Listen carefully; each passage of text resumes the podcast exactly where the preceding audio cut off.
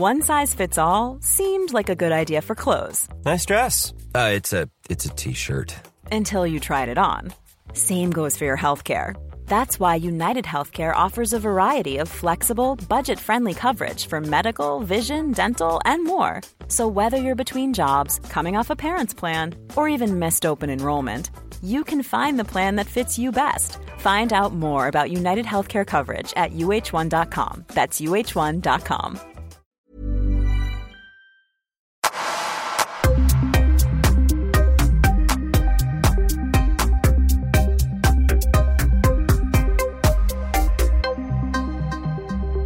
Jenny Sundman, välkommen till Öppet sinne. Tack, Paul. Vad trevligt. Ja, nu ska vi få djupdyka i ditt liv och din vardag och allting du pysslar med. ja, precis. Ja. Det blir spännande, Ja. hoppas jag. Nej, men kul. Alltså, Mm. jag gillar när folk eh, hör av sig till mig och har en historia som de vill dela med sig utav. Mm. Och det var precis det du gjorde också. Ja, Och eh, ja, nu sitter vi här nu sitter vi här. och ska konversera. Ja, För det är ungefär det folk frågar mig ibland. Vad är det som... Eh, lite vad går din podd ut på? I, st- I stil med det. Då brukar jag säga att ja, men det den är bred, den innehåller allt och om jag är nyfiken, det är egentligen det som krävs. Mm. Att här, skapa en nyfikenhet, då vill jag gå in och fördjupa mig i ett samtal. Mm. Och nu är vi här. ja men nu är vi här. Ja. Och det var det jag upptäckte jag också då, eh, i, med din podd. Att Ja. det var väldigt brett. Eh, och det var, gjorde det hela väldigt spännande tycker jag. Mm. Ja, det var det jag gillade också. Du lyckades charma mig väldigt bra där med att du, var, du uppmärksammade min intervjuteknik och frågorna jag ställde. Så tänkte jag, Ja. men det är bra, hon har ett, eh, ett öra. Ja, nej, men det finns Det ju en bra. mängd intervjupoddar där ute och jag lyssnar på en del av dem. Eh, och eh, med skiftande kvalitet. Mm. Så jag blev väldigt faktiskt fångad av din röst och dina frågor. Ja, kul. Mm. Får hoppas att frågorna lyckas. Får vi se hur det går Att jag lyckas leverera bra frågor idag också. Ja, det tror jag säkert. Spännande. Men du är, du är livscoach. Ja. Ehm, vad, vad fick dig att komma in på den vägen? Vad var det som gjorde att du tog det beslutet att bli det? Ja, det var väl verkligen på tiden. Mm. Ehm, jag har jobbat som eh, säljare, alltså inom försäljning, business to business, i över tio år. Och gjorde det för att jag inte har pluggat på universitetet och för att jag inte visste vad jag ville plugga på universitetet och för att jag inte hade tillräckligt bra betyg. Eh, och kunde aldrig liksom direkt komma på vad jag ville göra. Vilket egentligen inte är sant, för jag vågade aldrig bara egentligen känna efter på riktigt vad det var jag ville göra eh, och vad som var möjligt. Så jag, eh, som många andra tror jag, faller in i den här rollen av att, så här, okej, hur ska jag försörja mig? För det måste jag ju, och vara en duktig medborgare. Ehm, har man då lite social skills eh, och ehm, är lite framåt, så är försäljning ett bra yrke på så sätt. Och det krävs eh, sällan att man har liksom någon mer eh, högre utbildning på det sättet. Så på den vägen blev det. Eh, och jag tyckte väl att det var ganska kul och jag var väl eh, ganska bra på det jag gjorde. Men jag tyckte alltid att det var mer intressant med eh, själva relationsbiten till kunden. Mm. Prata med kunden och bygga relation. Sen om jag inte alltid sålde, det var så här, det spelade inte mig så stor roll. Um, då gäller det också att man har en bra ingångslön, så man inte jobbar på provision. Eh, men så blev det lite så här, ja, jag hade inte, jag märkte ofta att mina kollegor hade ett helt annat driv för sitt jobb och för rollen än vad jag hade. Och Jag hade väldigt svårt liksom att sätta fingret på vad skillnaden var.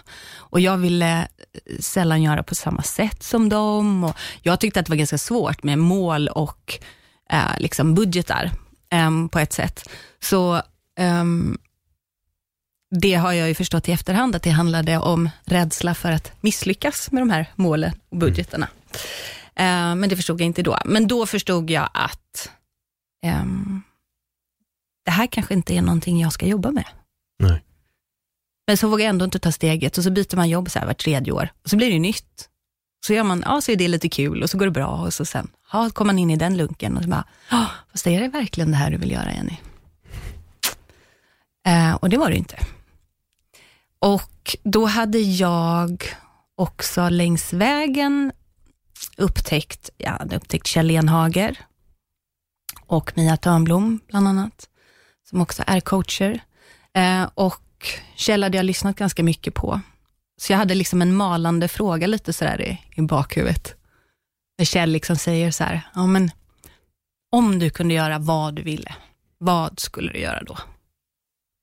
Så det låg liksom där och gnagde lite och efter det sista eh, så fasta anställningen jag hade på ett bolag som jag visste att jag inte skulle, eller jag skulle, hade inte fått fast anställning. Det var tills vidare för att det var en liten startup. Det gick inte sådär jättebra, så jag förstod liksom så här, det här kommer inte gå. Så kände jag, nu får du ta mig tusan se till att göra någonting annat av det här. Nu finns det en möjlighet och då valde jag att eh, läsa några kurser på Folkuniversitetet. Så jag läste projektledning, kom på att det ska jag absolut inte jobba med. och så läste jag ledarskap och så gick jag en coachutbildning då. Mm. Och dag två på den här coachutbildningen så kände jag att det här ska jag göra. Kul. Mm. Jättekul. Hur känns det nu då? Ja, men fantastiskt.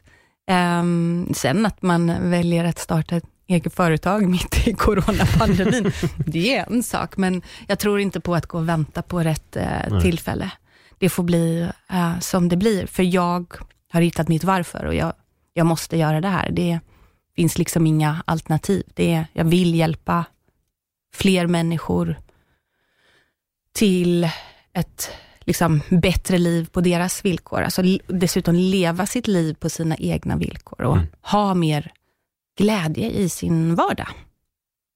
Hur dök ditt varför upp? När insåg du ditt varför? Mm. Ja, men det var nog i samband med att jag gick den här eh, coachutbildningen och dessutom då förstod att jag kanske också hade en, en fallenhet för, för yrket i sig. Um, men också i kombination med en egen, mm, egen resa inom liksom personlig utveckling och eh, ganska stora kliv för mig under eh, en period som gjorde att jag förändrade syn på väldigt mycket i livet. Um, och förhållningssätt. Uh, så jag blev väl liksom lite frälst för mig själv och kände att det här går hand i hand med coachningen och fler behöver förstå att man kan förändra sitt liv Mm. till det bättre. Kände du vid någon punkt att det inte gick att förändra? Eller att det, det är som det är och det är okej? eller?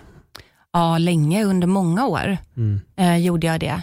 Ehm, jag hade nej men jag hade tappat tron helt eh, på min egen förmåga av olika anledningar eh, och jämförde mig själv väldigt mycket med andra hela tiden. Jag och tyckte att alla andra hade bättre jobb och alla var utbildade och jag ehm, låg liksom steget efter och ja, men, kände nog att jag behövde ja, men jag ja, tog rollen av att så här, ja, men jag får anpassa mig efter förutsättningarna som är istället för att skapa andra förutsättningar för mig själv. Mm. Därav liksom just säljyrket. Ehm, så jag tänkte nog att uh, na, det blir nog inte riktigt som jag har tänkt mig eller önskat i mitt liv. När började den känslan komma? Ja, det var en bra fråga. Du behöver inte ha ett exakt datum, mer ett, ett Mm. cirka. Nej, men det är väl... eh, Nej, men den har jag nog... ehm, Den har nog gått hand i hand med att inte ha varit så engagerad i skolan. Mm. Och in, just därför också inte, att jag inte pluggade vidare. Ehm, och jag visst, då, så, då, då trodde jag att det var liksom ett avkall egentligen som jag gjorde på någonting. Men Um, sen rekommenderar jag alla till att plugga och läsa och så. Mm. Men mm, jag kunde inte förstå skillnaden på att när man studerar så du blir ju expert inom ett område. Du läser ju ett ämne eller blir liksom ekonom eller något liknande, ingenjör. så. Mm. Ehm, jag jag tolkade det som att alla andra visste mer om allt, för att man hade gått på universitetet. Så jag trodde att jag hade mycket sämre koll än alla andra, fast um, det kanske absolut inte var så. Mm. Men um, jag vet inte, det kanske är en jag bara, hur gammal är jag? ja, men det är väl en, den känslan kom väl för liksom, 20-25 år sedan. Liksom. Mm. Du var fem år gammal alltså? Ja, precis. Exakt. Nej, men det är intressant det du säger, det här med att uppleva att man kanske har dålig koll eller sämre koll än de andra på grund av att man inte har gjort eh, vissa utbildningar. Och det är, mm, fan alltså, jag gick också ut skolan med en väldigt, väldigt konstig känsla själv. Mm. Gick ut med dels jättedåliga betyg, vilket också gjorde att jag hamnade på en utbildning som jag inte ville. Mm. Och det ledde ju bara till att jag skolkade ifrån den och till slut Mm. hoppade av. Då, för det var inte det jag ville göra. Nej. Eh, Men sen började jag upptäcka i mitt eget liv att fan, jag kan både läsa böcker, jag kan ta till mig information, jag kan lära mig hur mycket som helst. Mm. Och då förändras den här bilden. Men det tragiska är att det är så många som går ut med den känslan, Mm. som verkligen får det där. Jag kan fortfarande inte sätta fingret på vad det är som gör att alla tror att den akademiska vägen är på något sätt det som gör oss skarpa eller smarta. För jag får också Nej. ont i öronen när vissa människor ska säga att jag är inte så smart. Då känner jag också att sluta säga det där. Mm. För du fördummar dig själv med den kommentaren och varje gång du intalar dig själv att du inte är så smart, så nej, men det är klart, du blir ju bara dummare och dummare av det. Det finns vissa grejer Ja. vi måste sluta intala oss själva, kan jag känna ja, absolut. Ja, gud, det är ju det absolut viktigaste som finns, Mm. att man är sin egen eh, bästa kompis. Mm. Eh, och det har ju tagit mig superlång tid, för det var ju det enda jag sa till mig själv, att inte jag kunde saker. Och, nej, men det har ju med självkänslan att göra. Mm. Alltså egenvärdet som, som människa bortom de här prestationerna och vad man gör. För det är väldigt lätt att jämföra sig själv med andra människor just eh, i förhållande till prestationer. Man kan ju se att någon får ett jättebra jobb. Man kan ju se att någon har en utbildning. Det är ju liksom eh, lättare att ta på än, än vad självkänslan och egenvärdet är. Ehm, men att, och varför det är det akademiska och liksom det som styr och eh, att vi inte vågar känna och tänka efter vad vi själva vill ehm, och vad det finns för möjligheter utanför de här ramarna och den här boxen.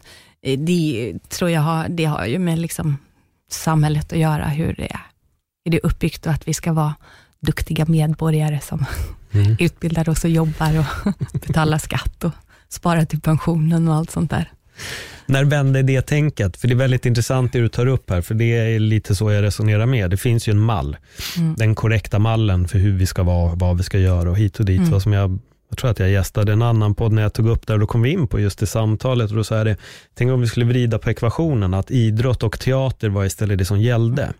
Då hade alla så kallade akademiker varit istället på fel sida. Mm. Och då kanske istället de hade sagt, ja men gud jag kan ju egentligen bara jättemycket om ekonomi, liksom. jag kan ju inte spela tennis eller fotboll, så jag är inte en bra människa. Och varför Nej. ska jag få göra det här? Jag kanske inte kan få rätt kvinna eller man i mitt liv, för Mm. att liksom, ja men vadå, fan, jag kan ju inte åka skridskor riktigt korrekt. Och då, hade man ner, då hade den kategorin av människor nedvärderats istället, och det är egentligen bara nedvärderingen som pågår i sitt eget huvud.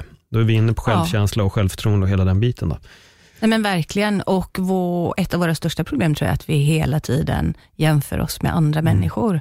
Det, jag tycker att det är så vanligt och att jag ser det hela tiden, att eh, den här strävan efter de här sakerna och, och händelserna, resorna, Mm. men att det, det sällan ändå, alltså att man sällan blir nöjd. Mm. Ehm, för att vi har inte förmågan till att fråga oss själva heller, eh, förmågan har vi, men vi ställer oss inte själv frågan att, "Vad- men vad är det jag mår bra av? Vad blir jag lycklig av? Bara för att alla andra lever sina liv på det här sättet, så kanske inte jag behöver göra det. Jag kanske inte behöver liksom gå den här utstakade vägen som Mm. det anses att man ska. Och sen såklart kopplat till det, om man ändå vågar ställa sig själv de här frågorna och vågar göra någonting annat också. så här, Vad är det värsta som kan hända? Vad är det värsta som kan hända om jag gör det här? Ja, det gick inte vägen. Nej, nej, okej. Men då får jag väl hitta på något annat då. Mm. Det är så, eller jag utgår ju från mig själv. Jag har haft en sån himla stor rädsla för att misslyckas och därför har jag ja, hoppat över att göra så många eh, saker också. Jag, men, jag skulle gått, jag gick så här samhälle ekonomisk för att ja, min pappa var ekonom och eh, jag kommer ju från en akademikerfamilj, mamma tandläkare. Då tänkte jag, men det är väl det man gör. Jag bara, tandläkare vill jag inte bli. Det var liksom som att, det, så här, vilken sida ska jag stå på? Ska jag göra som mamma eller ska jag göra som pappa? Um, men jag skulle ju gått estetisk linje. Men det kunde jag inte, för där var ju alla bara liksom punkare och eh, esteter och jätteflummiga och det var inte jag. Mm. Så, så, det kunde jag ju inte. Men det hade ju varit det absolut bästa jag hade kunnat göra. Det var det enda ämnen jag hade MVG i gymnasiet. Det var så tillvalsämnen på drama och eh, musik och så. Men då fanns ju de, de liksom programmeringarna redan där av att det är oseriöst att, eh, inte för alla, men utifrån var jag kommer ifrån. Mm. eh, vad ska du bli med det? Vad ska du göra då? Liksom, vad är det för väg att gå? Och vad har du för möjligheter då? Vilka sa det här till dig? Var kommer det ifrån? Vem, vem har Nej, men det kommer hemifrån såklart. Sen mm. vet ju jag att mina föräldrar eh, har gjort sitt bästa med allt de har mm. och de har ju sina historier och sina resor. Och båda kom från Ja, men liksom inget överflöd. Mm. Men båda bestämde sig själva för att de ska skapa bättre förutsättningar för, för sig och sin familj. Um, så både mamma och pappa har varit väldigt liksom, framgångsrika i det de har gjort. Uh, och det är jag jättetacksam för. Men mm. de, för det som passade mig som person, um, eller jag kan säga så här, jag, jag, jag, vet ibland att jag sa så här, men ni ska vara glada om jag är lycklig och glad över att sitta i kassan på ICA. Så, så här, diskussionerna fanns ju, men jag vet att de visste att jag hade så mycket större potential mm. än att sitta i kassan på ICA. Nu är det inget fel, men jag vet att de ville liksom, att jag skulle göra det bästa med det jag hade och då kunde jag bli det här och det här. Men det hade aldrig liksom gjort mig glad. Det är inte lite skrämmande på ett sätt att jag har pratat om det här i min podd tidigare, just hur vi, hur vi präglas av det. Det behöver inte nödvändigtvis vara föräldrar, det kan vara en lärare på skolan, det kan vara en vän, det kan vara egentligen vem som helst under deras uppväxt som säger någonting som bara fastnar. Mm. Det sätter sig där. Typ då mm. att det här är inte seriöst. Mm. Medan en annan person kanske istället uppmuntrar sitt barn till att säga, du kan bli exakt vad du vill. Mm. Istället för skillnaden, välj det här. För det är någonting som jag reagerar väldigt, väldigt mycket på. Och det är ofta som att föräldrar vill skydda sina barn mm.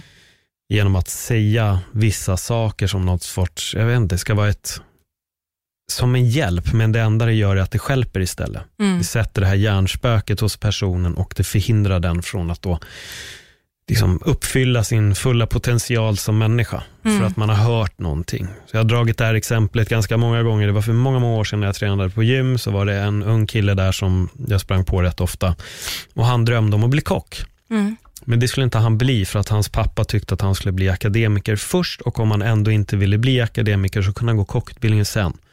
Mm. Så han valde då en utbildning som han egentligen inte ville gå för att hans pappa sa att det där ska du strunta i. Mm. Så han dödade sina drömmar mm. genom det. Mm. Och Det gjorde mig så jävla förbannad när jag hörde det. Jag sa det bara, men skit i vad din farsa tycker och sök den här utbildningen som du vill. Mm. Det, här, det här är ju det du ska göra. Ja, nej, men fan han tycker si och så. Man, man är så styrd. Mm. Det, jag tycker bara det är, det är synd. Det är så många som blir stoppade på vägen. Jo, så. men det är därför så få människor tror jag gör det de faktiskt Nej, vill göra och sen ja. så skyller man på att man inte har något val, mm. um, vilket också får det att brinna uh, i mitt mm. huvud. men att, att det är just det, och det är, det är ju som sagt, det är inte bara som du säger att det är uh, föräldrar, sen är det en jättestor in, inverkan mm. såklart, men det är ju liksom samhället och det är media och det är vänner och det är allt det som vi påverkas av runt omkring. Från den dagen vi föds så kommer det ju programmeringar och en viss typ av sanningar in i våra liv som vi kanske glömmer bort att ifrågasätta. Det är ju bara att se, så här, men vad kommer dina politiska åsikter ifrån? Mm. Har man inte ifrågasatt det så kanske man bara, ja gud, uh, ja, det, det, det vet jag inte, eller så. Och när man börjar ställa sig själv de här frågorna så tror jag att det blir bra mycket enklare sen att ta nästa steg i. Men aha, okej, det här kommer ifrån ja, men hemifrån eller från vänner eller vad det nu kan vara. Och sen, men tycker jag så här? Mm. Eh, Tycker jag verkligen så här eller känner jag verkligen så här? Och ta det till nästa steg. Vad, jag, var är jag i mitt liv? Gör jag det jag vill göra? Varför gör jag det jag gör? Och faktiskt våga liksom känna och tänka efter och inte vara så rädd för att inse då, för det tror jag också så här, man är rädd för att man ska komma på att, men gud, jag är på en plats i livet där jag inte vill vara. Nej, okej, men det var skitbra att du kommer på det, så du kan göra någonting åt det och inte vara rädd för att, e-, eller låta det hindra en. Men så kommer man ju igen till då att det kan vara att man är van vid en viss typ av inkomst eller en levnadsstandard. Och, ja, men jag har, eh, nu har inte jag själv barn, så jag ska inte ge mig ut på för djupt vatten här, men ehm, att ja, men jag har barn, jag kan inte göra vad jag vill. Nej, man kanske inte kan göra vad man vill, men man har alltid ett val. Mm. Alltid ett val. I allt vi gör hela tiden så har vi makt att välja. Och Det måste vi förstå. Men det tror jag också är svårt för många, för att då är det helt plötsligt bara mitt eget ansvar om hur mitt liv utspelar sig. Mm. Det är mer skrämmande. Mm. Och därför tror jag att det är färre som vågar liksom, ja, men ge sig in i de tankarna och funderingarna och, och, och känslorna. Och det var ju någonting som hände med mig samtidigt också då när jag hade liksom, alla hade det bättre än, än jag, tyckte jag. Och bättre jobb och liksom relationer och eh, vad det nu var. Och jag, tyck, jag tyckte länge synd om mig själv. Det var mycket, mycket off, offerkofta på mig på det sättet. Mm. Och om saker och ting är dåligt, så ja ah, men det är väl typiskt att det händer mig. Alltså så här, vet, tappar paketet och bara, ja, nej men det är klart att det händer mig, att jag ska tappa ut mjölken. Det, är så här bara, det var en olyckshändelse. Men om man har det förhållningssättet, då kan man skylla liksom hela livet på allt och alla. Men då kommer livet nog inte heller bli superkul att leva, tror jag. Så Mm. att, eh, Nej, ja, det är därför många lägger till lite i massa annat istället också. Att det är livets lott eller att det är någon form av religion som ändå ska styra en och hjälpa en. Och det, alltså det läskigaste du kan göra är att ta helt eget ansvar för allting. Ja, Eller så kan man gå och skylla också på att det är min uppfostran eller det är ditt eller jag är uppväxt där eller mina föräldrar. Liksom. Det, det, det finns en lång rad av ursäkter Mm. man kan göra. Men det som är mest skrämmande någonstans är också bara att okay, jag tar fullt ansvar för precis, för precis allt. Alla Mm. beslut jag tar, tar jag mm. och jag kommer äga de besluten hela vägen. Mm. Men det är lättare då att istället sitta på ett jättetråkigt jobb och gnälla över att det är tråkigt. Oh, believe me, I've där. been there. Ja. Ja, jag sitter och tänker lite på det när du tar upp allt det här, alltså blir också min, min tanke i mitt huvud, hur hade du resonerat om du sa det här till dig själv kanske 10 eller 15 år bak då? Vad hade du gett dig själv för svar då? Men jag var liksom inte mottaglig Mm. heller, för att det fanns massa människor runt omkring mig med liksom bra tips och idéer, men jag var, ehm, jag var inte mottaglig för det. Mm. Och det är ju det är ju liksom den mest grundläggande saken i när det gäller det här med att ta eget ansvar. Vi måste själv, först när vi själva går med på att det går att förändra våra liv, då kan förändringen ske. Mm. Men vi måste själva fatta det först och vi måste gå med på att jag kan förändra mitt liv. Jag kan göra saker annorlunda. Jag kan prioritera annorlunda. För om man inte liksom köper det, nej Mm. då kommer ju ingen förändring hända. Så där är liksom första steget till en acceptans och att ja, jag har makt att, att välja. Hur mycket har du fått jobba med just acceptans? Ehm, acceptans tycker jag är ett väldigt stort område Mm. som är eh, klurigt. På vilket sätt då? Um, men framförallt det här, nu kan jag den inte utan till eller ordagrant, men jag Mm. kommer direkt att tänka på sinnesro-bönen. Känner du Eh, till den? Kan inte den. Åh, jag vad dåligt att jag inte kan den nu. Men, men- den är liksom så här, ge mig,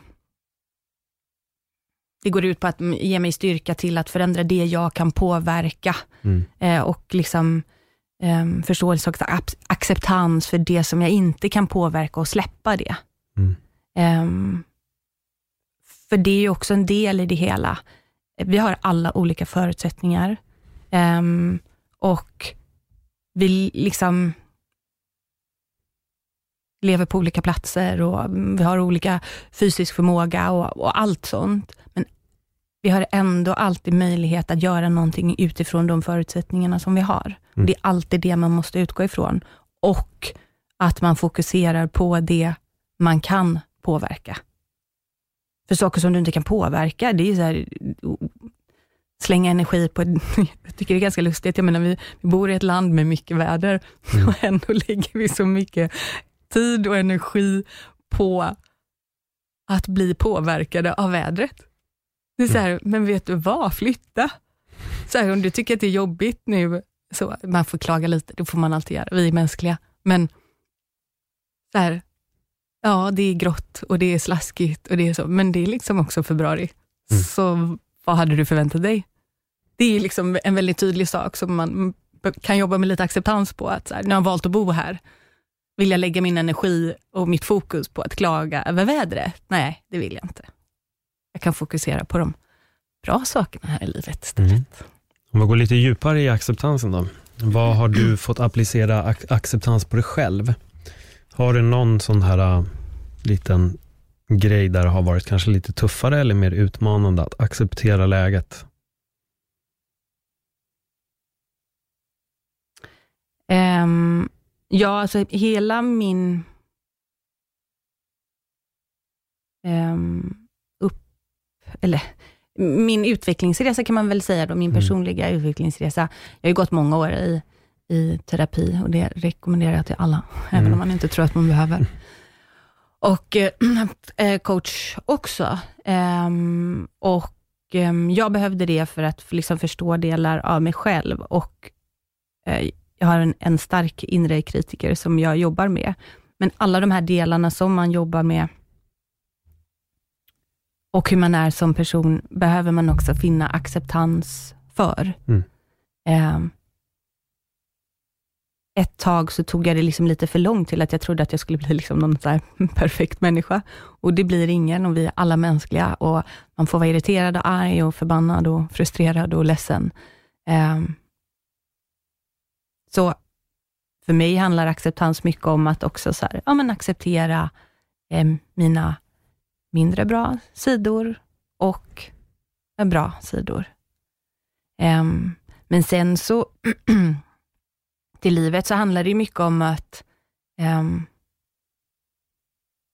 jag tror ju att oavsett vad vi ställs inför för utmaningar och, och problem i livet, um, så kan vi utvecklas och lära oss ifrån de situationerna, oavsett faktiskt hur hemska de är. Mm. Um, och det mm, tror jag också är kopplat till, till acceptans. Um, för livet går vidare. Om jag väljer att leva vidare, så kommer livet gå vidare. Och um, för att kunna gå vidare, så måste man också då finna en viss acceptans i, i det man har varit med om, eller det som har hänt, tror jag. Mm. Släppa taget också kanske? Mm. Men acceptans är klurigt att mm. liksom sätta ord på, tycker jag. Mm. Faktiskt. Jag har en liten acceptansanekdot. Ja, berätta. Vi pratade ju om kallduschar och sånt, du och jag, mm. innan vi började spela in. Just det. Um, och det var en kille från yogan, en polack, Matteus, som hjälpte mig med det här.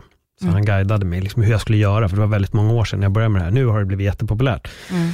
Men jag började väl någon gång för fem år sedan typ. Det var första gången jag gjorde det. Eh, men hur som helst, så vi skulle iväg och vi skulle bada, Isvakan och jag. Mm.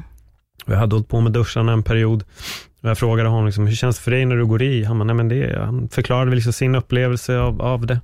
Och då sa jag, men när blev det varmt för dig att gå ner i vattnet? Mm. Frågade att du, du inte kände kylan. Så tittade han på mig och så säger han, han bara, det är aldrig varmt Paul. Jag har bara accepterat kylan. Mm. Jag bara, fuck, ja såklart. Så. Det är där, där det är. Jag måste mm. acceptera att det är kallt när jag går ner. Ja. Inte tro att det ska bli behagligare desto mer jag gör det. Precis. Utan det handlar om att verkligen bara acceptera. Och det var en sån stark polett som föll på plats för mig när han sa det. Jag bara, fan jag går ju in med helt fel tankesätt här. Ja. Um, Och det blev väldigt mycket lättare, bara den gången att kliva i, för då visste jag att det kommer vara kallt. Jag går ner här och det är kallt. Några år senare så var jag på Nynäs havsbad och gick ner massa gånger när jag badade kallt där. Och då pratade jag med ett par inne i bastun, en, en kille och en tjej. Då, och då vart hon väldigt taggad av att gå i. Mm. Så vi går ut tillsammans, alla tre, och så säger hon bara, gud jag är så himla rädd. Och säger vad är det värsta som kan hända när du Mm. går i egentligen? Om man det kommer vara jättekallt, jag bara, exakt, det är bara det. Och då tittar Ja. killen på mig, han bara, haha, exakt. Jag bara, ja. Och då vart båda så här, ja, okej, bastun är tio meter bort. Ja, tror att det liksom gick i och då gick hon i och så stannade hon ju där i tio sekunder och hon Ja. var ju sjukt nöjd när hon kom upp. Jag bara, men Så du ser, det värsta som händer är bara att det blir kallt. Det händer inget annat, men jag tror att folk går in med en tanke om att okej, jag går ner, det blir kallt, jag får kramp, jag kommer svimma, jag kommer drunkna.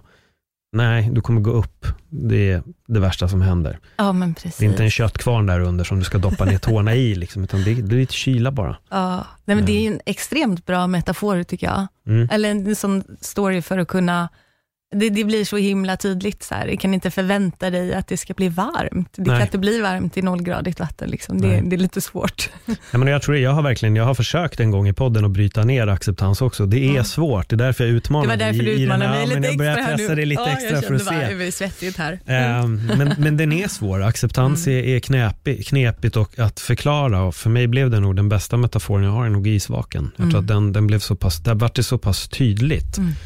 Sen får man acceptera acceptans på fler lägen. Liksom. Och i vissa, det var därför också med vissa instanser så handlar det väldigt mycket om att släppa taget. Ja. För du kan acceptera men du kan hålla fast vid något och det är inte heller bra. Just Ibland behöver man acceptera någonting, att det är så, men också släppa det Mm, och precis. faktiskt gå vidare. Ja. För det är också något som jag har märkt ibland, hur jag har kunnat klamra mig fast vid vissa saker, Mm. eller känslor kanske framför allt, att hålla i någonting. Mm. Och till slut har jag känt att det är jag som faktiskt väljer här nu, att känna så här. Mm. Men jag kan också Precis. bara släppa det och gå vidare. Mm. Det är nog Så- vanligt med just eh, liksom, känslor eller eh, händelser, sånt, Mm. sånt som har liksom hänt tidigare i livet. Att man, så här, man vet ju att det har hänt och accepterat Mm. att det har hänt, men den känslomässiga acceptansen kanske inte är där ändå att så här, också kunna släppa det. One size fits all seemed like a good idea for clothes Nice dress. Uh, it's a it's a t-shirt. until you tried it on. Same goes for your healthcare. That's why United Healthcare offers a variety of flexible, budget friendly coverage for medical, vision, dental, and more. So, whether you're between jobs, coming off a parent's plan, or even missed open enrollment, you can find the plan that fits you best. Find out more about United Healthcare coverage at uh1.com. That's uh1.com. Ever catch yourself eating the same flavorless dinner three days in a row? Dreaming of something better? Well, HelloFresh is your guilt-free dream come true, baby. It's me, Kiki Palmer. Let's wake up those taste buds with hot, juicy pecan-crusted chicken or garlic butter shrimp scampi. Mm. Hello Fresh. Stop dreaming of all the delicious possibilities and dig in at HelloFresh.com. Let's get this dinner party started.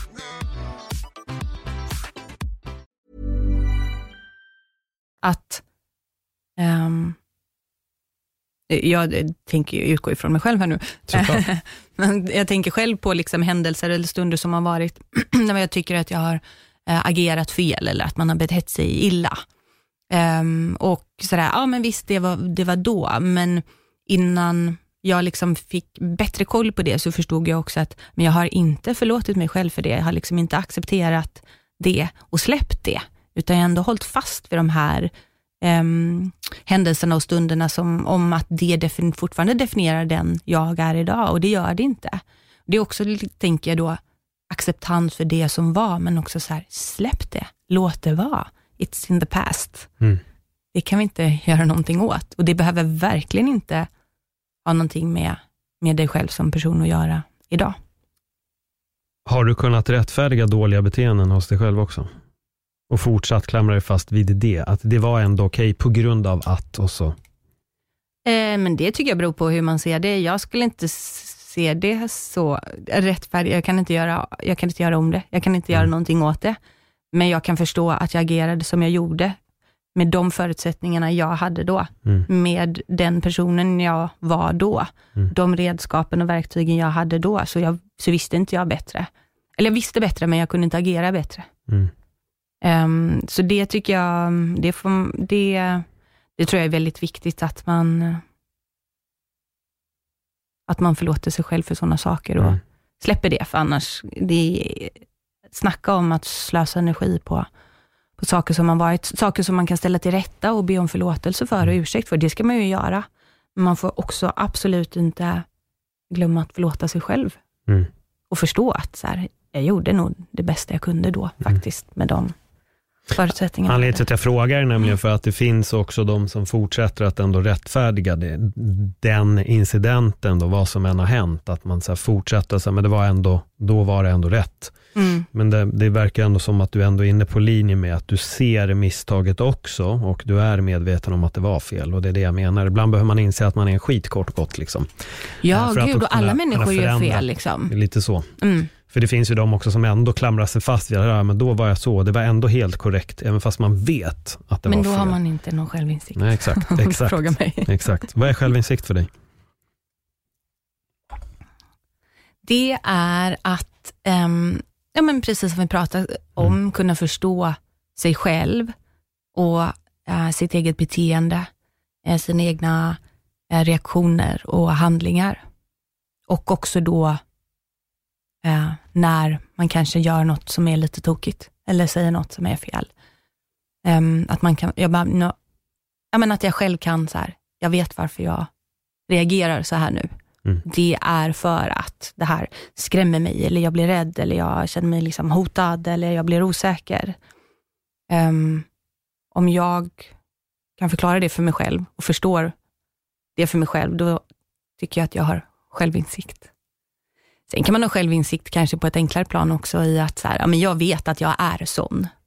Ja, men jag vet att jag pratar mycket ibland och eh, jag vet att jag kan ta plats eller eh, eller om man har något annat. Jag vet Mm. att jag är rolig eller så. Så det, det är på liksom flera olika plan.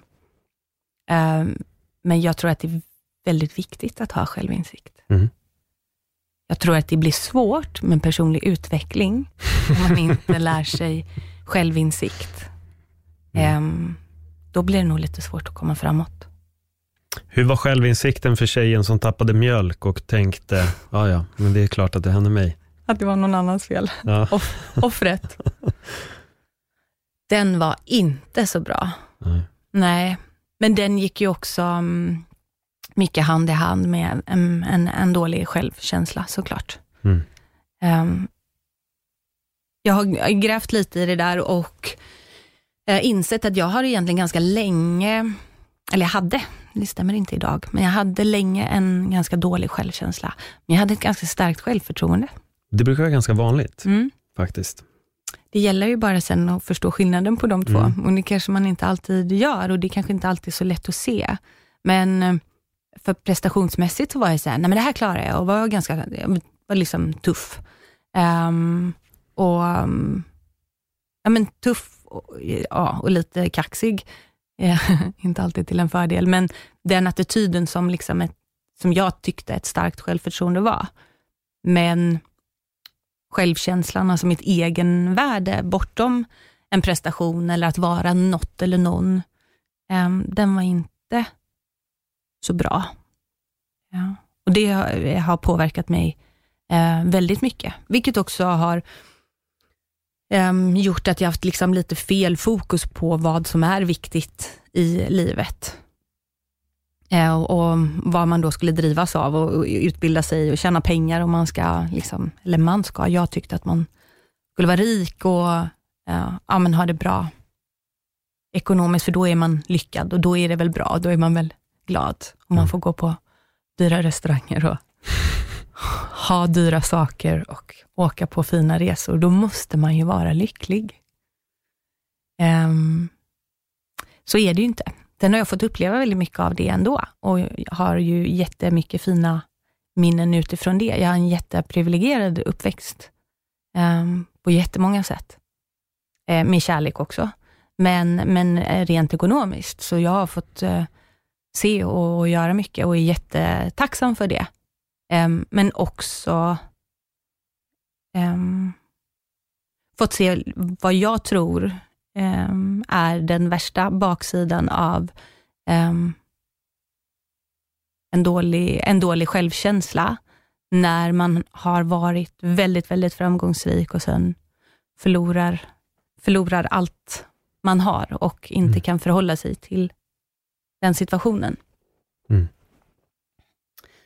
Vill du fördjupa dig i det?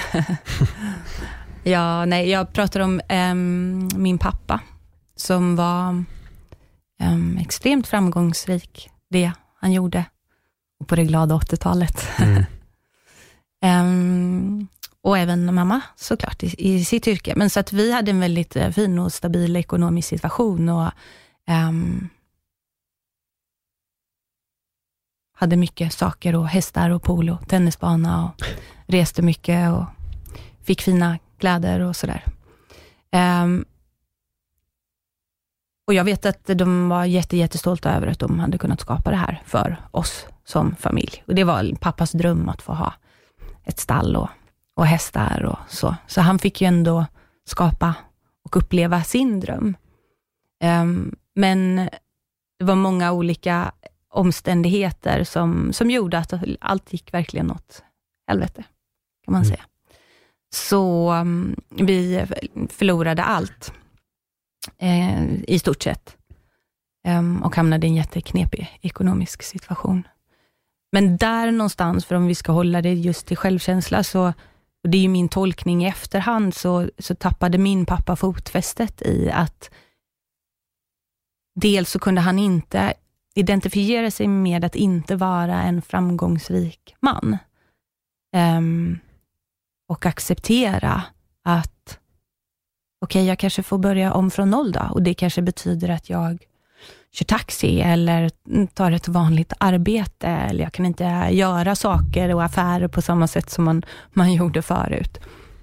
Jag tror att han saknade den förståelsen för att han hade kopplat sitt värde som person, som människa, till sina framgångar.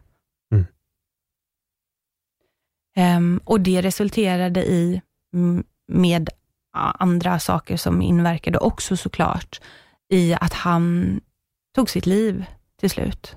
Och han, inte, han klarade inte liksom av att hantera situationen som den var.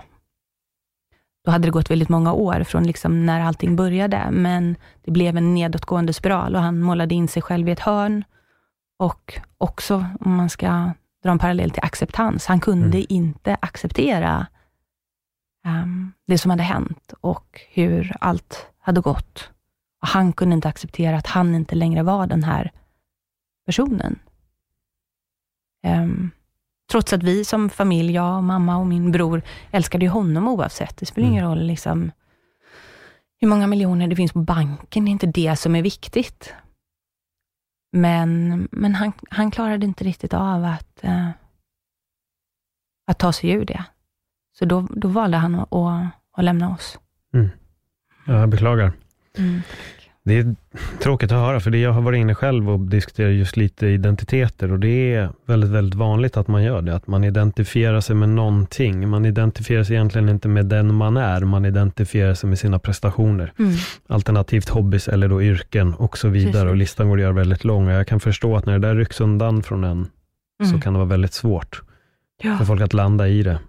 Att Sen- bara vara den de egentligen är, för att de aldrig varit det. Nej men precis. Sen tror jag att det är, är lite, jag hoppas att det är lite annorlunda idag. Lite Mm. annorlunda i alla fall med dagens generation. Pappa är liksom sen 40-talist. Mm. Det är en generation som kanske inte pratar särskilt mycket Nej. känslor och, och känner efter eller tar hjälp. Eh, för det vägrade han ju också att göra. Mm. Ehm, och ehm, nej men ur det så är det klart att, fast det förstod inte jag då, men ur det så är det klart att mm, mitt intresse eller min liksom förståelse för självkänsla och, och självförtroende har blivit liksom väldigt eh, viktig för mig. För att det, det tog ändå några år efteråt att jag kunde reflektera över det här och att jag hade hamnat på en lite samma plats där jag liksom, jag tyckte bara att det var viktigt med liksom dyra fina saker och de här resorna och var en relation som inte gjorde den saken bättre och gjorde mig beroende av en person. ehm, som också då, där jag målade upp i mitt huvud att jag inte att jag skulle klara mig om inte jag var tillsammans med den här personen längre, vilket var ju helt befängt. Mm. Men då trodde inte jag det. För då, under den här tiden hade jag då också mer och mer mm, tappat den här tron på mig själv och min egen förmåga, att jag kunde styra upp mitt eget liv. För det var så mycket yttre omständigheter som påverkade. Jag var offer för de här omständigheterna. Sen har jag inte liksom gjort mig själv till ett offer för att min pappa tog livet av sig och tyckte synd om mig själv för det. Men jag gjorde mig ett offer till omständigheterna på ett annat sätt, genom att göra mig beroende av någon annan. Um, Hur svårt var det att ta sig ifrån det? nej men jättesvårt. Vi uh, var tillsammans alldeles för många år, Mm. när det inte var bra. Eh, men var fantastiskt. Det är en jättefin person, så inte så, men det är bra att vi inte är tillsammans. Mm. Ehm, men när jag väl liksom tog mig ur det och liksom, ja, började min egen resa, då påbörjade väl egentligen min, uh, påbörjades min förändringsresa, liksom lite så sakta, men säkert. Men ändå lite med det här tvivlet på, men vad ska jag, vad, s- vad ska jag göra, vad kan jag göra? Och med de förutsättningar jag har fast begränsade mig själv då under ytterligare några år, tills jag fick nog.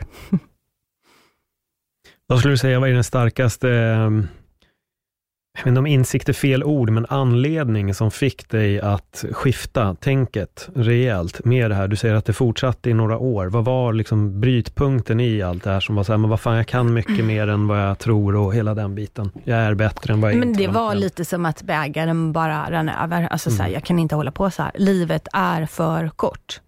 Det är för kort. Ska jag nöja mig med det här? Ska jag, ska jag liksom vara så här halvnöjd resten av livet? Mm. Eh, och i kombination med att jag eh, fortsätter att gå i, eh, um, i terapi, vilket också så öppnar upp såklart för, för tankesätt och så. Men, men var ändå begränsad under den, den perioden där. Men, och sen valde jag att ehm, gå en eh, kurs som heter PUMPT eh, på Unestål Education, som är personlig utveckling genom mental träning. Och i kombination med liksom att gå coachutbildningen och börja med det och läsa den här kursen, så fick jag redskap och insikter som helt började liksom förändra mitt liv och mitt förhållningssätt till livet. Eh, och att jag kan bestämma själv och jag kan göra vad jag vill. Mm. Jag gillar det. Det är ett eh, gott tecken på att samtal förändrar och det är det jag Mm. hoppas med min podd. Att genom samtal att folk ska lyssna och höra och därigenom känna att jag kan göra någonting. Och Det var Mm. lite det jag tänkte när du berättade om det där med din pappa den tiden. Det här existerade inte då heller. Nej. Möjligheten att ens bara kunna gå till ett forum eller någonting Mm. och lyssna och kanske dela med sig i det dolda Exakt. och ändå få någon form av hjälp. Det måste ha varit otroligt isolerande att bara vara i allt det här själv. Mm. Fortfarande finns det ju såklart folk idag som går igenom exakt samma sak och kanske ändå inte får den hjälpen de behöver. Men Nej. jag, jag hoppas ändå att med, med den här typen av konversation att man når ut och att folk som är i en viss problematisk sits ändå ja, men, kanske hittar någonting, hittar en vägledning eller upptäcker någonting och kan söka mer information och Mm. På så sätt till slut kanske få hjälpen eller våga gå på terapi även om de inte har vågat under alla år, vilken anledning du nu- än må vara. Mm. Eh, Hur var det för dig första gången du klev in? Var det bara så här, äh, men jag går hit eller fanns det någon motståndskraft i det att göra det? För det är ju det för en, en, ganska många, så kan det, det, det kan ta ett tag innan man vågar ta I steget. att gå i terapi? Ja. Ehm, nej, jag har gått i lite olika omgångar. Mm. Ehm, men det har varit så här, ehm, nej men verkligen att nu måste jag göra någonting åt min situation. Ja. Jag vill inte fortsätta på det här spåret. Jag vill ha förändring. Och det är nog det mest eh, grundläggande tror jag för att skapa sin egen förändring. Det som jag sa förut, att vi måste förstå att vi kan skapa förändring i våra liv och att vi inte behöver vara offer för några som helst eh, omständigheter. Men den här viljan till någonting annat. Och sen eh, har jag haft en fantastisk eh, tur med de terapeuterna jag har haft, för de har varit så underbara och härliga människor, så de har ju verkligen varit en del av, av, av min um, förändringsresa. Och det är kanske inte alltid så lätt, men att lära sig också våga och, och fråga om hjälp. Första gången um, jag gick så, då vände jag mig faktiskt till min mamma och sa att jag vill gå och prata med någon. Och det kommer jag ihåg, det var jättesvårt. Men uh, hon var ju fantastisk och hjälpte mig med det. Mm. Um, det är ju också en, en, del i det hela med en, man inte är liksom helt på banan att också våga fråga om hjälp och det är jättesvårt. Eh, och många har svårt för det. Men det finns så många människor som vill hjälpa till mm. och som vill kunna eh, finnas där för någon som behöver en, eh, om man nu inte är, är, professionell då. Men, så att jag tror att vi behöver träna på det allihopa också. Mm. Har det varit lätt för dig att prata med vänner? Um, ja, både, både och. Jag har aldrig haft problem med att prata om att min pappa gick, begick självmord. Mm. Det har inte jag haft svårt för. Jag vet inte om det är för att jag tycker att det är så viktigt att säga som det är. Jag har mm. aldrig dolt det för någon. Uh, men när det gäller mig uh, själv ibland, eller om man behöver hjälp eller prata om saker, då är det inte alltid det tränar jag fortfarande mycket på, att mm. be om hjälp i stunden. Jag kan berätta dagen efter vad jag gick igenom igår, mm. men då har jag redan tagit mig igenom det. Mm. Men det är ju en, en sämre egenskap som jag jobbar på. För jag tror det, det, det är, vi mår så bra av att få prata och att få och ha någon som lyssnar. Och det behöver inte alltid vara en stora liksom, livsomvälvande saker. Det kan ju Nej. vara små saker som man bara behöver prata om. Eh, och därför har ju det här med, liksom, med coachningen blivit så viktigt för mig och jag hoppas att fler människor också förstår liksom makten, eller vad ska man säga, inte makten, kraften mm. eh, av samtal. Mm. Och samtalet och hur det liksom skapar nya tankemönster och man tänker annorlunda. Och alla, alla klienter sitter ju på sina egna svar, det är inte jag som talar om för någon vad de ska göra. Men samtalet gör att man, man kommer fram till det själv. Mm. Och det är så fantastiskt och det kan lösa upp många knutar. Och behöver man liksom mer hjälp, nej men då tycker jag då, får man, då ska man ta hjälp av en psykolog eller en, en terapeut. Men det finns människor som vill hjälpa till. Mm. Självkänsla och eh, självförtroende. Mm. Vi har ju varit inne lite på att det är lätt att förväxla de här två. Mm. Eh, hur skulle du förklara skillnaden på självkänsla och självförtroende till en person som faktiskt kanske tror att självkänsla och självförtroende är samma sak? Ja, ja, det är ju himla klurigt och det är väl därför det kan bli väldigt svårt för många. Men ja. för att göra det väldigt enkelt mm. så eh, självkänslan är kopplad till dig som person, alltså ditt egenvärde som person.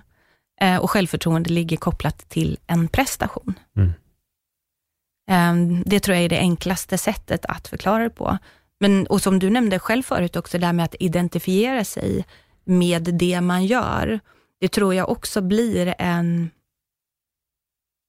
liksom ett dåligt resultat av att man inte har koll på självkänsla och självförtroende. För man tänker att det är samma sak, så man kopplar sitt egen värde till alla prestationer man gör på jobbet eller gymmet eller vad det nu är. Eh, och identifierar sig själv med det. Mm. Vilket blir väldigt farligt om man sen då äh, får motgångar eller misslyckas med någonting. Eller förlorar jobbet till exempel. Och har kopplat hela sin identitet till prestationerna på jobbet. Vem är man då? Så har man då inte koll på sitt egenvärde bortom de här prestationerna, så eh, blir det tufft och utmanande mm. att hantera sådana situationer. Problem och motgångar blir mycket svårare att hantera om du inte har en, liksom en stark självkänsla och vet hur du ska förhålla dig till motgångarna och problemen. Mm. Ja, jättebra. Jag hamnade i en situation cirka mitten på 2015 där jag var mm. identitetslös. Mm. Jag jobbade för tillfället inte med MMA, jag hade slutat med stand-up, jag jobbade inte som PT heller, utan allting var bara väldigt, väldigt förvirrande. Jag försökte klamra mig fast vid alla de här identiteterna. Jag hade precis börjat jobba som telefonförsäljare på en, en, ett varuhus i princip och jag, det var ju inte jag. Nej. Jag kunde inte identifiera mig som säljare, så det känns jätte, jättekonstigt. Mm.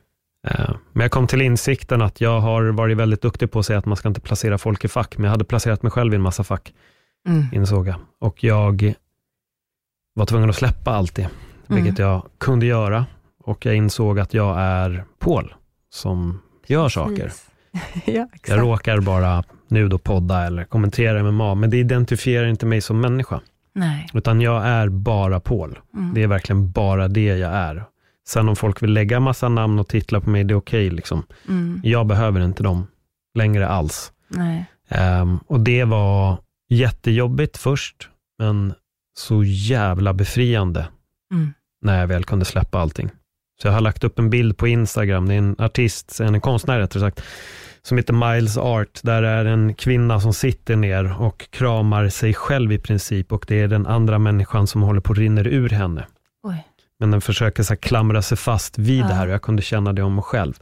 Det är som att nu rinner faktiskt allt det här loss från mig och jag vill egentligen hålla fast vid det. Jag vill så gärna identifiera mig vid allt det här. Mm. Men jag måste bara få låta det här rinna bort och bara bli mig själv.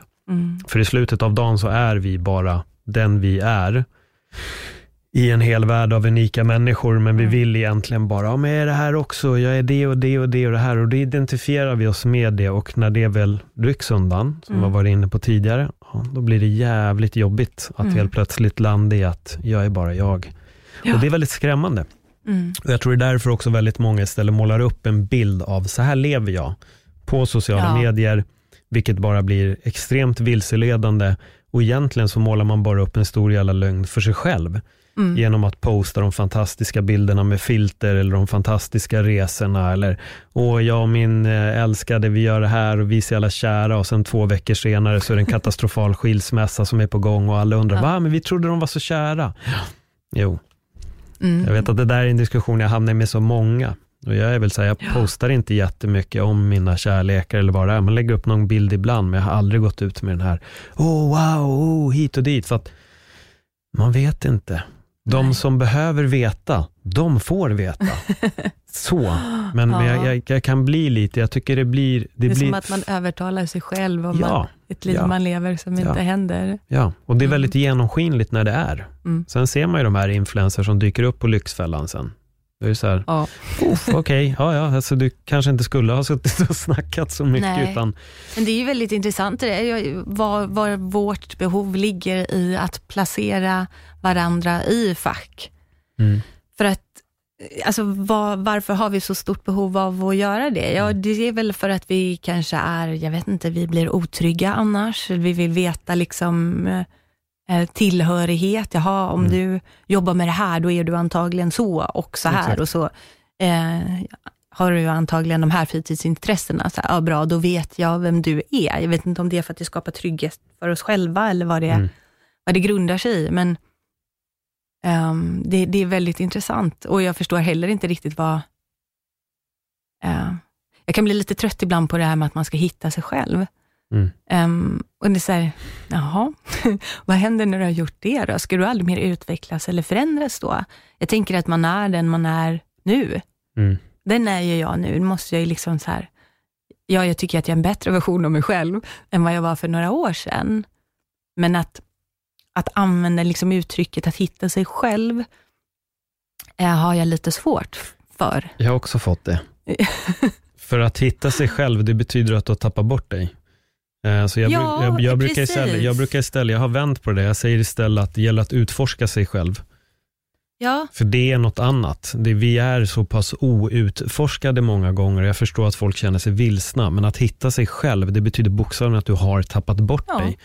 Men du behöver egentligen bara upptäcka dig själv. Jag tror att det är det som är. För att vi är Ja, identifierade fel med allt annat skit, liksom, så vi behöver nog istället upptäcka oss själva. ja. Eh, För att jag tror att vi är väldigt dåliga på det. Vi får inte den riktningen här i livet, utan istället är det då, nej men det där kan du inte hålla på med, för det är inte Mm. seriöst, utan du ska bli akademiker. Och det, man blir bortlurad egentligen från det som är vår egen lycka hela tiden. Och sen undrar folk varför folk är olyckliga. Jo, Mm. för att den ena personen sa det här och den andra personen sa det. Och så får vi aldrig en möjlighet att egentligen då hitta oss själva direkt från start. Mm. Utan men vi, vi behöver vid senare år helt plötsligt, fan nu behöver jag behöver egentligen upptäcka vad fan är jag, för att jag vet inte. Nej. Jag är helt lost i det här just nu.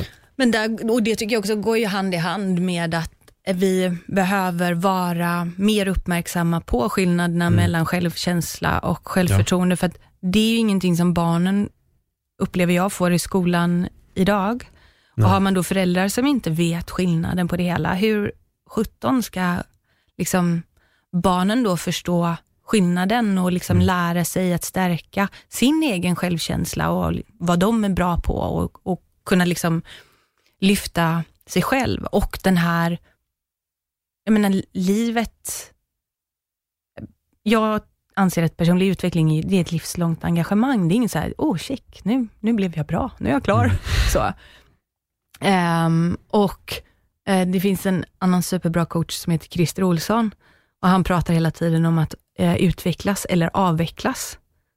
Ehm, för att om vi inte fortsätter att utveckla oss själva som människor, liksom så här, blir, då står vi bara kvar och stampar på Ja, samma stagnerat brukar jag också säga. Då har vi stagnerat. ställe. Ja, och Mm. det, eh, när jag hörde honom säga det första gången så fick det mig verkligen att, att tänka till och då går det också kopplat till om man ser till hur man, ja men det här med, att, eh, med arbete eller hur man utvecklas på sitt jobb till exempel. Ja, men jag har jobbat här i 20 år och så. Jag har 20 års liksom, erfarenhet. Ja, har du verkligen det eller har du ett års erfarenhet och sen 19 års upprepning av det du har gjort? Mm. Så kan det ju också vara, men den frågan kan man ställa sig för också att man är så trygg i sin roll, eh, man har gjort det man kan och så håller man bara på. Men vad, i mina öron låter det förfärligt. Sen kanske man är lycklig av det och då säger jag ingenting. Om man är nöjd och glad med det man gör, så spelar det ingen roll vad man gör. Då är det liksom thumbs up. Men om man bara accepterar och faller in i de här enkla spåren, inte utmanar sig själv, inte utvecklar sig själv. Um, nej men fy vad tråkigt. Mm. Då har man ju inte levt livet, Nej. tänker jag. Nej. För det handlar inte om att, det är det jag brinner mycket för i min coachning också, att hjälpa fler människor att finna glädje i sin vardag. Alltså det som är här och nu och vara glad för det man har här och nu. Jag är lite, alltså att fokus, jag har blivit lite så här tacksamhetstorsk, men då menar jag också på de små sakerna i livet. Ja, ah, okej, det finns en mängd saker jag inte har. Jag har in- inte barn till exempel, eller man, eller det där huset, eller så. Nej, men jag är frisk. Jag har tak över huvudet. Jag har rent vatten i kranen. Jag är älskad. Så det finns hur mycket som helst. Det är bara, vad är det du fokuserar på? Mm. Därför tycker jag att det är liksom viktigt att man också förstår att man kan skapa sin egen lycka i det man har. Inte så här, jag vet du pratade om i ett poddavsnitt, sen, när jag kommer dit, då ska Ja. jag göra det här. Sen, sen, sen, vadå sen? Jag kan bli påkörd av en buss när jag går hem här nu. Mm. Då vill jag liksom så här, ja men vet du vad? Ja, det var ju mycket som inte blev som jag hade tänkt. Mm. Men vad mycket fint jag har fått uppleva och vad glad jag är för det. Och det tycker jag är viktigt att man försöker se, att så här, skapa mer glädje i din vardag, så som den är, här och nu. Och gör vad du kan för att liksom, ja, prioritera och tillföra de sakerna som du mår bra av. Då måste man också ta reda på vad det är. Exakt. Jättefint, det där tycker jag är en så perfekt slutsummering. Du Ja. summerade det klockrent där. Em, om folk inte redan följer dig, var hittar man dig? Hemsida, sociala medier, allt ja, sånt? eh, min hemsida är mycket okomplicerat namn, jennysundman.com. Mm. Och på sociala medier heter jag Jenny Sundman coaching understreck. Men det är, det är bara att söka på det så hittar man det. Man kan söka på Jenny Sundman så, så dyker jag upp på Facebook och Instagram. Jag länkar till hemsidan, eh, så den hittar ni i bion. Det är bara att klicka in och så kan ni föra vidare där. Ja. Supertack för ett jättebra samtal ja, Jenny. men tack själv Paul, det var så roligt att vara Ja. här. Kul att få prata med dig. Ja, men tack detsamma. Mm. Roligt att du kom hit. Om det är första gången som ni lyssnar på den här podden, så glöm inte att eh, dels prenumerera på den och såklart scrolla igenom så att ni hittar alla de andra bra avsnitten och samtalen som finns och kanske där eh, när jag själv sitter och filosoferar i de avsnitten som heter Öppnar mitt sinne.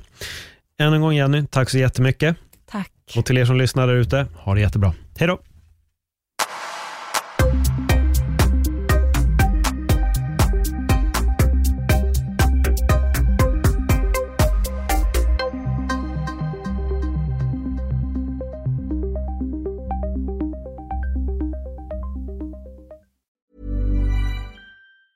Ever catch yourself eating the same flavorless dinner three days in a row? Dreaming of something better? Well, HelloFresh is your guilt-free dream come true, baby. It's me, Gigi Palmer. Let's wake up those taste buds with hot, juicy pecan-crusted chicken or garlic butter shrimp scampi. Mm. Hello Fresh.